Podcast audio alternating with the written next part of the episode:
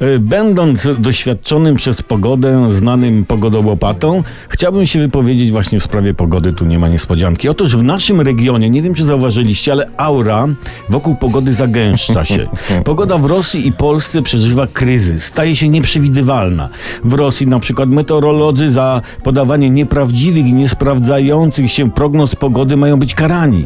Taka idea pojawiła się po tym huraganie, który niedawno przeszedł nad Moskwą, a Rosja ma dobre tradycje w przewidywaniu pogody. Kiedyś delegacja meteorologów oznajmiła z dumą towarzyszowi Stalinowi, radzieccy meteorologowie przewidują pogodę z 30% pewnością.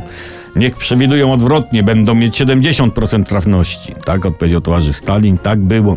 Natomiast u nas pogoda też nie ma szczęścia do meteorologów. Aż 51 zarzutów, w tym korupcji, przedstawiła prokuratura byłemu szefowi Instytutu Meteorologii i Gospodarki Wodnej panu Mieczysławowi. Czy on chciał przekupywać pogodę, żeby się jego prognozy sprawdziły? No też, też. Jak pogoda była pod psem, to przekupywał psa, żeby obrócił się do góry nogami, żeby pogoda była nad psem i takie tam. A oprócz tego brał łapówy, a z firmowej kasy opłacał prywatne wyjazdy i kupował drogi sprzęt fotograficzny, by móc uprawiać swoje szlachetne hobby, zapewne fotografowanie chmur.